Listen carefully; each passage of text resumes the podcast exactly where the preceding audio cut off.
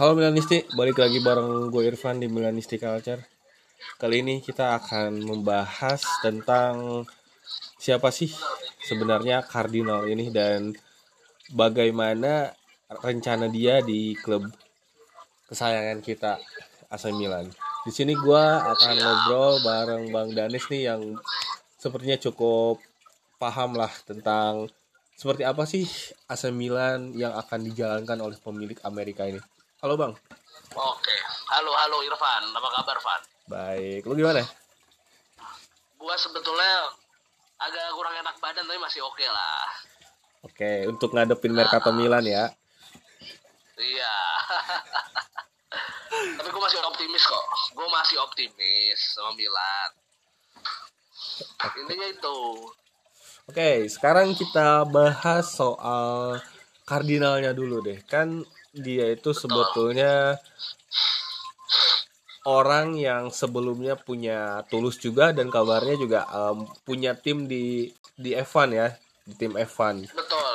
Hasefon tim, betul. Hasefon tim, betul.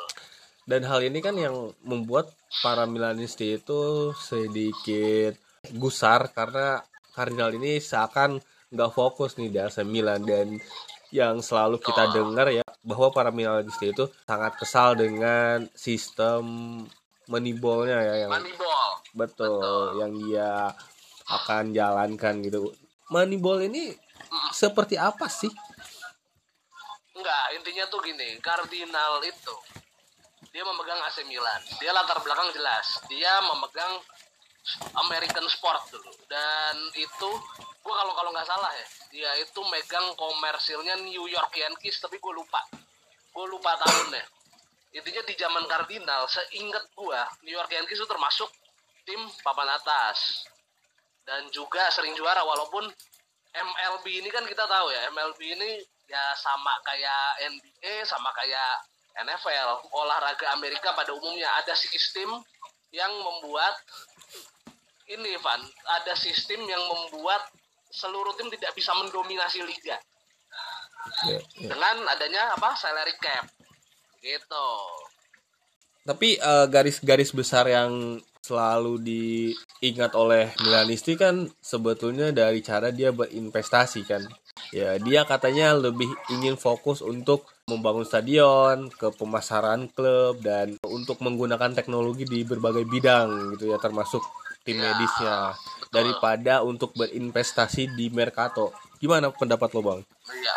Kalau gue gini ya, Cardinal ini kelihatan. Ini ya, ya ciri-ciri pemilik Amerika lah. Mikirin jangka panjang. Jangka panjang yang dia utamakan. Tahu kan kenapa salah satunya, enggak salah satunya kenapa eh, tim-tim Itali itu tidak gimana ya, tidak bisa dibilang tidak punya pendapatan semaksimal tim-tim Inggris. Itu kan karena kita nggak punya stadion. Atau ah, tim Italia nggak ada yang punya stadion kecuali Juventus. Jadi emang yang namanya stadion itu ya hal yang penting. Jadi untuk untuk pemasukan yang lebih maksimal. Karena stadionnya kan stadion sendiri gitu Pak Tapi kalau Iya. pendapat lo melihat AC Milan yang kurang berambisi di Mercato dengan batasan gaji yang ditetapkan dan budget transfer juga yang rendah, banyak Milanisti yang pesimis dengan hal seperti ini. Lu sendiri Ya, gimana? tahu gua nah sekarang gini kita berkaca pada dulu Pak dulu lu ingat kan Ivan Gazidis seberapa dibulinya sama Milanisti waktu itu Iya. Tapi kenyataannya sekarang beliau ini dipuja-puja, dikangenin sama Milanisti. Karena di zaman Ivan Gazidis lah Milan dapat gelar juara. Karena ya Ivan Gazidis ini memang sebetulnya menganut si apa bukan waktu itu dikhawatirkan menganut sistem seperti Arsenal. Jadi pabrik pemain aja, ingat kan? Iya. tapi ternyata kan nggak gitu bahkan di zaman Gasidis beberapa pemain ditahan yang akhirnya bikin Milan kehilangan pemain secara gratis begitu Hal ini kan kayak apa ya? Mencerminkan kalau ya udah yang penting mah jalan dulu deh juara mah ntar aja gitu. iya oh enggak kalau gue sih tetap gue kan ini Mercato masih dua bulan lagi gue yakin kok gue sangat yakin Milan akan membeli pemain yang tepat untuk menggantikan Tonali dan juga Frankesi yang tahun lalu gak dapat kita pengganti. Gue cukup yakin itu. Maksudnya adalah ya seperti yang gue tadi bilang, kan Milan ini dapat 70 juta euro plus 10 ya. Plus bonus 10 gue nggak tahu tuh dibayar kapan. Hmm. ya kan? Nah itu gua nggak tahu dibayar kapan. Gue cukup yakin ini dua bulan ada Furlani ada Moncada pasti masih atau Milan pasti masih ini masih masih akan mencari-cari pemain yang tepat kalau beli Davide Fratesi ini nggak cocok. Makanya akhirnya kan eh, Milan kembali ke Ruben Loftus-Cheek yang memang bisa menjadi seorang pivot. Gitu Van. Oke. Dan gue lihat dan gue lihat juga gini Davide Fratesi kayaknya sih kalau dari gelagat-gelagatnya mereka dia akan ke Inter. Karena dia kan mau setim sama Barella. Hmm. gitu Hmm. jadi kita masih masih banyak kok pemain yang bisa untuk uh, mengakomodasi formasi 4-2-3-1 ala Stefano Pioli begitu Iya. Kemarin kan ketika Tonali dijual itu kan Milanisti semakin benci ya sama Cardinal dan melihat bahwa Iya, betul Moneyball ini benar-benar dilakukan di mana dia mencari pemain yang muda, murah, lalu dijual dengan harga tinggi gitu. Nah iya betul. Tapi menurut gua nih ya, kalau tidak ada pemain yang dijual dengan harga mahal, Milan gak akan ke mana-mana. Percaya sama gua. Milan gak akan ke mana-mana. Cuman dapat pemain yang ala kadarnya untuk nambel.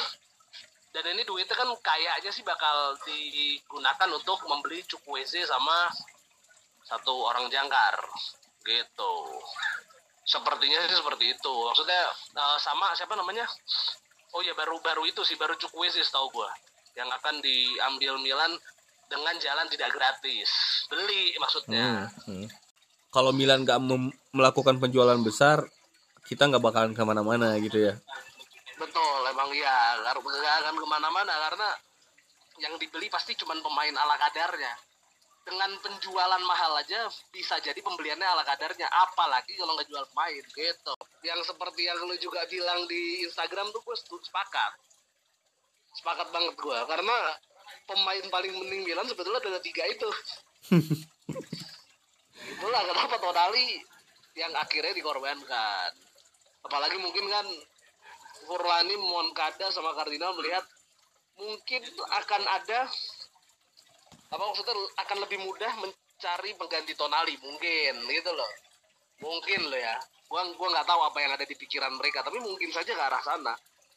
Ditambah yang cepet dijual adalah Tonali. Karena Tonali apa namanya secara value-nya dia dia jelas di atas market value-nya dia. Harga yang diberikan oleh Newcastle United. Begitu juga sebetulnya to, eh, Tomori Tomori Theo sama Minyong. Tapi kan ketiga pemain itu ya ya tadi yang tadi gue bilang ini ya terlalu penting gitu buat Milan. Lu lihat dong statistik ya ketika Milan tidak ada Leo Milan kebanyakan kalah kan. Hmm. apalagi pas pas gak ada Theo. Gak ada Minyong kita hancur-hancuran. Milan gitu. Gue juga ngerasa kalau peran Tonali di lapangan itu ya memang bisa diganti lah sama pemain lain tapi enggak dengan pemain yang Iya. ada saat ini gitu.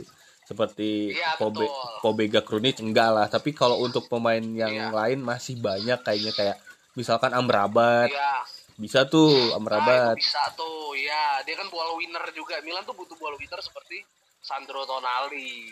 Iya. Sama gelandang box to box yang seperti Frank Kessie nah itu. Ya kan? Yang yang tahu-tahu nongol di kotak penalti bisa golin. Itu kan keunggulan Milan waktu Scudetto kan itu. Lalu menurut lo kenapa para Milanisti itu sebegitu marahnya ketika Tonali yang dijual? Ya karena masalah romantisme sih ban. Tonali Milanisti Milanisti dari kecil dan mereka merasa Tonali akan menjadi bandiera. Padahal jujur di tim modern saat ini gak ada tuh istilah bandiera lagi. Jujur. Sekarang lu tanya- apa sekarang gini di City apa apa ada benderanya bendera timnya? Seperti Maldini di Milan dulu nggak ada kan? Nggak ada. Bener nggak? Hmm. City itu. PSG apalagi? Mbappe mungkin juga akan cabut. Jadi memang ini udah udah era kapitalisme men. Jadi udah nggak ada tuh istilah il bandiera. Di klub tuh udah nggak ada. Kalau ternyata menguntungkan duduk dijual ya cari penggantinya kan gitu. Intinya itu aja. Tapi gue jujur gue akan kesel sama Kardinal Furlani Munkada kalau akhirnya mereka gagal mendapatkan pengganti sepadan untuk Tonali. Itu pasti. Gue baru akan teriak di situ. Intinya itu men intinya gitu sekarang gini lu mimpi lah zaman sekarang punya pemain kayak Franco Baresi, Paulo Maldini atau di tetangga ada Giuseppe Bergomi atau di MU ada Gary Neville atau Gary Neville itu gak ada sekarang. Zaman sekarang gak ada. Semua orientasinya adalah money, money, and money. Ya. Itu men. Tapi kan banyak pemain yang ada di skuad sekarang itu katanya mau bergabung Iya. dengan Milan kan karena ada sosok Maldini. Jadi sangat diwajarkan ketika Maldini pergi, Tonali juga ikut pergi. Ya kalau gua nggak tahu ya kita nggak tahu yang ada di belakang itu itu kan cuma desas-desus. Nyatanya juga Minyong, Theo, Leao yang katanya mau memperpanjang kontrak karena Maldini nyatanya mereka komitmen.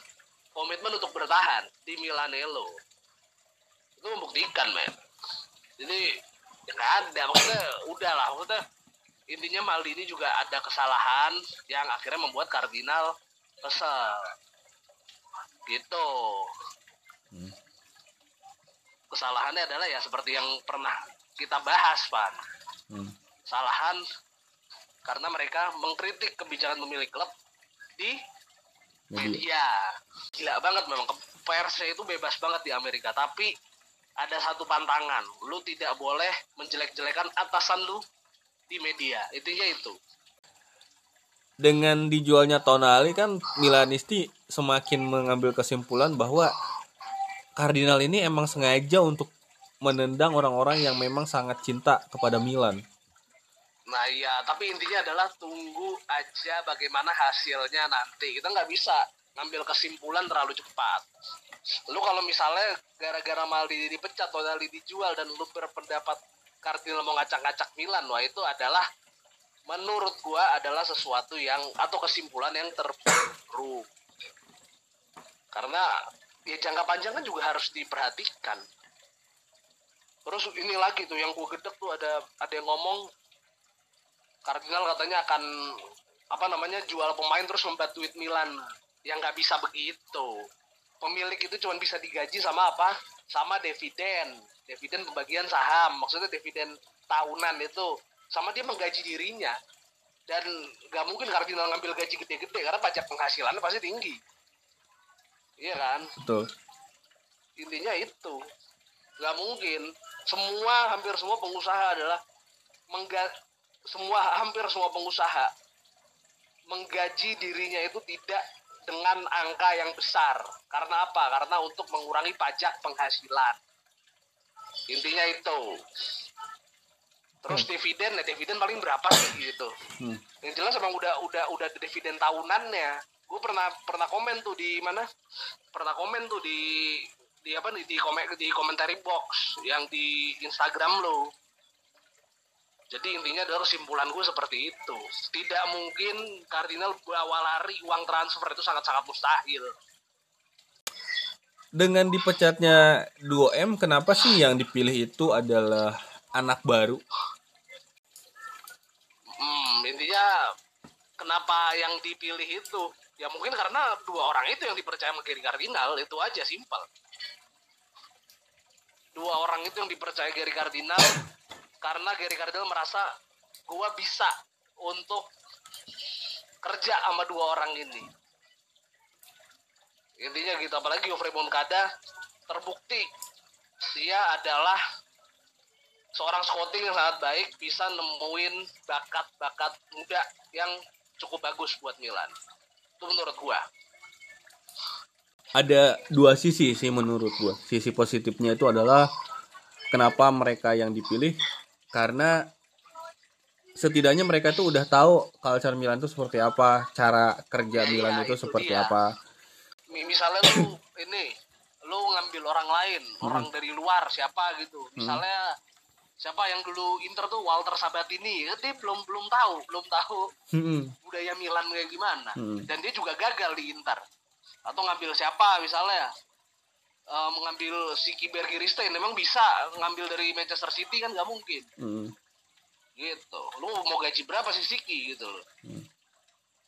ya udah yang paling yang paling cocok untuk Milan sekarang adalah Forlani Moncada karena dua pemain eh dua orang itu ya udah ya bukan orang baru di Milan. Intinya itu. Mereka anak baru di posisinya tapi bukan anak baru di Milan gitu ya istilahnya. Iya betul. Memang di posisinya mereka anak baru tapi kan mereka bukan anak baru di Milan. Begitu my bro. Tapi ada sisi negatifnya juga nih, di mana kan kenalan mereka dengan agensi lain, dengan para agen, dengan petinggi klub lain itu kan masih terbatas lah ya, namanya juga anak baru. Makanya kan sebelumnya AC Milan dengan PD meninggalkan Loftus Cheek dan akhirnya kembali lagi kepada Loftus Cheek menurut gue karena ya ya udah pakai dulu deh yang itu gitu.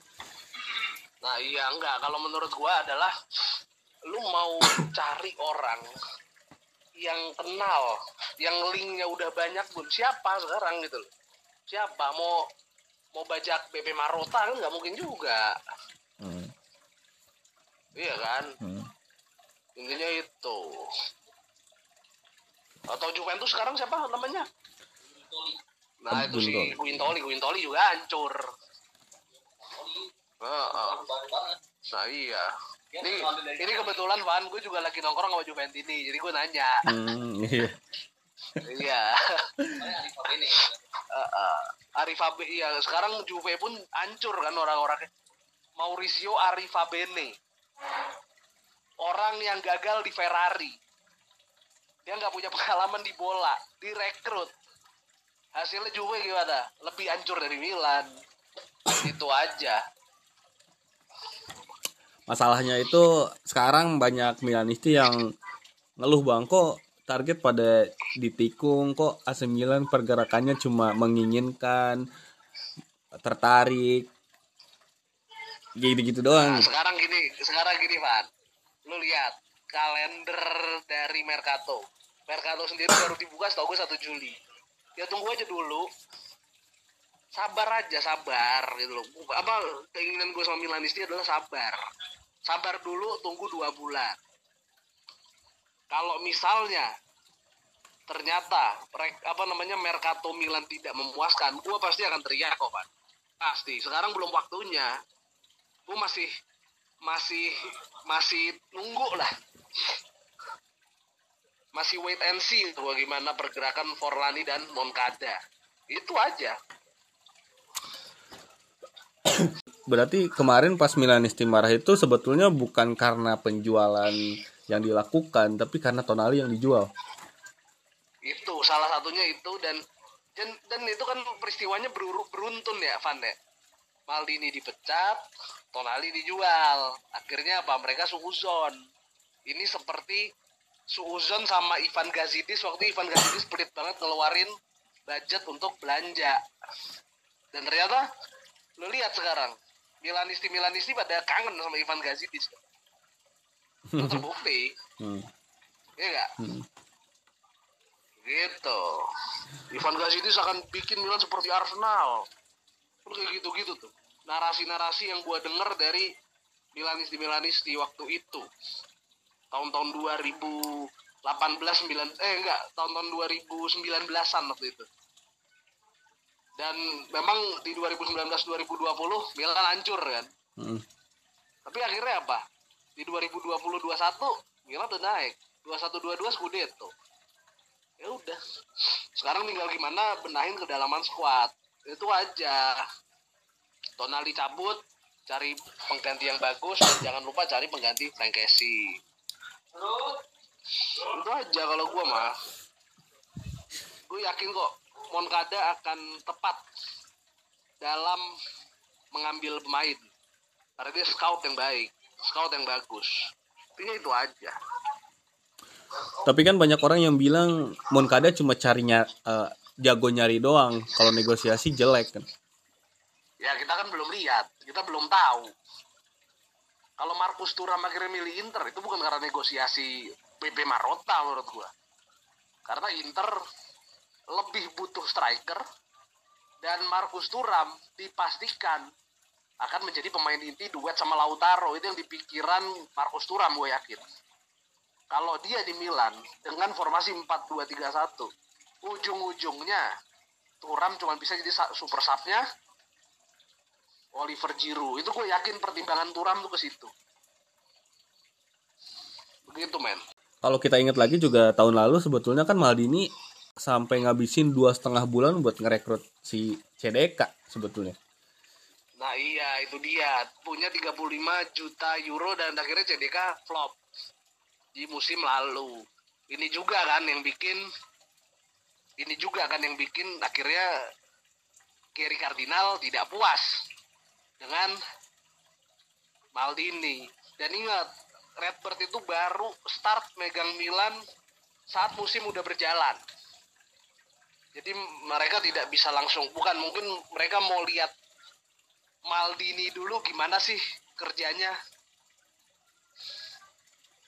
Mau lihat dulu gimana sih Maldini kerjanya itu aja. Dan akhirnya Tapi beda setelah, visi ya. ya setelah kerja kurang dari setahun mereka merasa oh Maldini sama Sarah memang bukan orang yang bisa bekerja sama kami. Nah itu loh. Yang di pikiran Redbird gue yakin itu. Lalu apa pendapat lo dengan cara AC Milan sekarang yang lebih mengandalkan data dalam merekrut pemain daripada uh, melakukan pendekatan secara personal seperti yang Maldini lakukan? Enggak, jadi gini loh yang gue lihat itu adalah bagaimana Gary Cardinal salah satu visinya adalah membenahi Milan Lab. Betul kan? Ya. Membenahi Milan Lab bangun stadion. Itu dua visi yang sangat bagus menurut gue Milan Lab nih da, boleh dibilang dalam 10 tahun terakhir jelek dalam penanganan cedera. Lu lihat aja Mike Minyong cederanya sampai berbulan-bulan dan dia sampai memilih untuk berobat di luar Milan Lab itu salah satu contoh kan? Ini yang harus direvolusi sebetulnya sama Cardinal kalau ini udah jadi semua baru Milan bisa tuh mikir untuk juara Liga Champion. Kalau dengan pendekatan seperti ini gue yakin Scudetto masih bisa. Scudetto masih bisa. Napoli juga akan banyak jual pemain kan? Inter juga cekak. Lu bayangin aja Edin Zeko yang bagus, Lukaku bagus, eh Lukaku biasa aja deh. Edin Zeko bagus cuma diganti sama Markus Thuram yang bisa dibilang tidak setajam Zeko. Ya enggak? Hmm. Itu kan. Mereka ber, mereka menjual Brozovic ke Al Al Ahli apa Al Hilal ya? Brozovic dijual ke Al Ahli apa Al Hilal ya? Al, Al Ahli. Al Ahli dijual ke Al Ahli 20 nah, juta. Ini mereka punya budget untuk bisa merekrut pemain lagi baru. Gitu, men. Sekarang ini yang lagi digoreng oleh para Milanisti dan beberapa juga oleh admin FP Milan yang di mana baru pertama kali datang ke AC Milan kan Cardinal bahkan tidak tahu kalau AC Milan itu adalah pemilik tujuh gelar Liga Champion. Menurut lo emang salah nggak sih kalau seorang Cardinal yang memang asalnya dari Amerika dan dia ingin merubah AC Milan menjadi so ya. sebuah perusahaan media kan katanya gitu. Ya, kalau menurut gue itu adalah hal yang sepele sebetulnya. Cuman gak tahu Milan tujuh kali Liga Champion kayak gitu aja digoreng menurut gue gak lah. Intinya Gary Cardinal adalah orang kawakan di sports business, sports management. Dia pernah megang New York Yankees. Dan New York Yankees adalah salah satu klub baseball terbaik di Amerika saat ini. Dia mau nyoba tuh, mau nyoba model bisnis di Amerika ke Italia. Dan kita lihat nanti bagaimana ininya, bagaimana bagaimana hasilnya. Apalagi kalau menurut gue proyek jangka panjang Cardinal ini bagus banget. Membenahi Milan Lab, bikin stadion. Kalau bisnisnya udah jalan, labnya udah bagus, gue yakin kok titel akan datang dengan sendirinya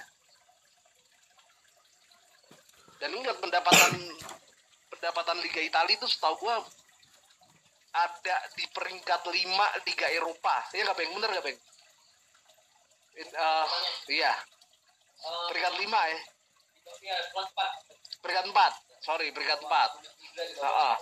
Di bawah di bawah Premier League jelas, di bawah Bundesliga, di bawah enggak di bawah La Liga dulu, baru di bawah Bundesliga. Ini kan parah. Salah satu solusinya adalah tim punya stadion sendiri. Itu. Mungkin lu juga tahu ya kalau di awal musim ini eh, Pioli akan mendapatkan peran yang lebih besar di Mercato. Iya, Sejauh ini apa yang lu lihat? Apakah itu benar? belum sih, belum kelihatan, belum kelihatan kalau itu. Belum kelihatan. Sama sekali belum kelihatan. Gue masih nunggu bulan Juli. Bagaimana pemain-pemain yang diinginkan Pioli itu benar-benar dikejar sama Moncada dan Furlan. Itu aja. Nggak tahu ya, maksudnya pemain-pemain yang diinginkan Pioli itu adalah nama besar atau kan nama yang sesuai yang dia butuhkan gitu. Banyak Milanisti yang sangat eh, ngeluh ya, banyak ngeluh katanya kok selera AC Milan rendah banget gitu. Ya, ya sekarang gini cuy. Selera AC Milan katanya rendah. Ya lu mikir juga dong. Tim tim Itali kalau ngejar pemain bintang banget pasti kalah, kalah abu sama tim Premier League. Gue yakin itu. Dan terbukti kan pemain-pemain yang nggak terlalu bersinar di Premier League ketika pindah ke Liga Italia mereka bagus. Tami Tami Abraham oke. Ya enggak? Hmm. Fikayo Tomori oke. Nah, ini kita tunggu kalau misalnya Loftus Cheek dibawa apa dibeli kita tunggu. Gue sih cukup cukup yakin kalau ini pemain bagus. Kalau dia bukan pemain bagus, gak mungkin dong Chelsea pernah merekrut dia. Padahal Chelsea budget transfernya lo tau sendiri banyak. Cuman pada akhirnya kan Chelsea gak jelas dia juga ikut pengep. Itu aja sih. Tapi kan yang Milanisti lihat kenapa sih AC Milan harus me- merekrut Loftus Cheek yang di Chelsea itu cadangan. Hmm. Ya nyatanya gini cuy. Inter pun setelah menjual Lukaku ke Chelsea, yang dia datangkan adalah Edin Zeko yang sudah terlalu tua. Tapi akhirnya dia cocok sama skemanya Simone Inzaghi. Bener gak? Betul. Nah, intinya itu. Kalau gue jujur ya, kalau Maldini sama Mas Saradi dipertahankan, gue takut situasi tim Milan justru nggak kondusif. Karena dia udah nggak akur pemilik. Gimana dong? Secara Jalan terbaiknya adalah mereka berpisah. Gitu. kalau gua ngelihat sih memang ini tuh kayak ada apa ya? Ada dua bintang di di satu langit menurut gue. Hmm, begitu kalau menurut lu ya. Dua bintang di satu langit siapa aja tuh? Ya Maldini dengan Cardinal. Kalau dilihat dari struktur klub kan ya udah pasti Cardinal yang punya hak gitu. Nah iya itu dia intinya kadang-kadang orang seorang alfa itu tidak bisa bekerja dengan alfa lain. Itulah mungkin yang membuat kardinal memutuskan untuk memecat Maldini yang juga seorang alfa. Dia mantan kapten gitu loh. Pastinya alfa, sulit untuk diatur. Padahal kardinal juga punya visi untuk Milan ke depan gimana. Begitu men. Oke. Eh, Berarti lo lo cukup cukup optimis lah untuk menatap musim Ya, baru ya. optimis optimis gue menatap Mercato tapi kalau untuk musim ya kita tunggu hasil Mercatonya kalau hasil Mercato ternyata jelek ya udah Oke. mau gimana lagi kita kan juga ibaratnya gini loh kalau ternyata Mercatonya jelek gak masalah. Bukan gak masalah sih masalah juga. Kita kan butuh juara lagi ya. Hmm. kita Milanisti termasuk gue pengen juara lagi. Tapi mungkin kalau pada akhirnya Mercatonya jelek mungkin ada yang dipikirkan sama Cardinal soal jangka panjang itu. Soal jangka panjang. Pembenahan Milan Lab dan juga stadion. Itu dua. Bangun stadion tuh gak murah loh. Jadi itu Kemarin sih gue baca katanya targetnya tetap masuk Liga Champions sih. ya gue tahu. Target mah Milan juga 2021 2022 targetnya masuk Liga Champion. Tapi Scud- Scudetto juga dikejar kan pada akhirnya. Hmm. iya kan? Ketika ada kesempatan kejar. Kan gitu. Kalau target tuh mungkin mungkin biar biar nggak terlalu terbebani aja para pemain. Tapi di lapangan mereka mati-matian ngejar Scudetto itu yang gua lihat Soalnya setelah banyaknya drama di awal musim ini, sepertinya orang-orang yang optimis menghadapi Mercato seperti lu ini bisa dihitung jari lah saat ini. Iya, tapi tunggu aja. Ujung-ujungnya gue cukup yakin kok. Cardinal akan dipuja seperti Gazidis dulu dipuja, lu lihat aja. Waktu yang menjawab sih, Pak. Waktu yang menjawab. Tapi kita tunggu aja. Itu aja kalau menurut gua. Oke, uh, untuk dari sisi lu deh, apa yang ingin lo sampaikan buat para Milanisti lain dalam menghadapi Mercato ini? Intinya sabar, jangan negatif thinking dulu. Gue tahu psikologis lu kayak gimana. Lu shock dengan kepergian Maldini dan penjualan Tonali. Gue paham, lu pada shock gitu. Tapi adalah menurut gua sekarang pesan gue cuman lu sabar aja, tunggu Mercato selesai. Kita tunggu nanti hasilnya gimana. Itu aja pesan gua. Jangan negatif thinking dulu karena pada akhirnya lu lu sekarang gini loh dalam empat tahun terakhir atau lima tahun terakhir sosok-sosok yang awalnya di di apa namanya di Diremehkan? bisa dibilang diragukan sama Milanisti ujung-ujungnya dipuja Stefano Pioli akhirnya bisa bikin juara. Ivan Gazidis dulu dibilang Milan akan dibawa seperti Arsenal ternyata itu nggak terjadi. Terus siapa lagi ya? Leo. yang pada akhirnya apa? Leao. Rafael Leao dulu minta dijual. Apa maksudnya Milanisti berharap Leao aja yang dijual jangan Hauge? Ternyata Leao jadi bintang. Iya nggak? Iya. iya Leao jadi bintang pada akhirnya. Iya nggak? Hmm, betul iya nggak betul. itu yang untuk gue aja dan gue percaya kok trennya adalah siapa pun yang di suuzonin sama Mila- Milanisti ujung-ujungnya mereka akan dipuja suatu saat we'll see ya nggak? Berarti untuk untuk untuk Milanisti itu hanya perlu sabar sebetulnya. Ya mereka lagi kebawa emosi sesaat sama masih megang romantisme zaman Berlusconi gitu aja. Iya kan? Berlusconi nyatanya waktu megang Milan akhir-akhir hancur gak? Hancur. Hancur. Karena gua lihat bi- bukan bisnisnya ya. Waktu itu apa yang menyebabkan Berlusconi hancur ya? Pertama adalah krisis ekonomi di Italia di awal 2000-an lah 2003 2004 kalau nggak salah. Itu adalah awal mula kan sebetulnya. Dia- ditambah juga ternyata pendapatan pendapatan stadion di Liga Italia ternyata nggak terlalu signifikan. Ada penurunan terutama apa? Pasca Calciopoli. Itu. Akhirnya bangkrut Dan juga ya kan iya dan juga dia kan mau nyalek waktu itu. Iya, ada unsur politik di situ. Berlusconi itu memegang Milan, membuat membuat Milan berjaya karena ada kepentingan politik. Itu, padahal gue nggak yakin cuannya Milan di zaman Berlusconi itu terlalu baik, gue nggak yakin.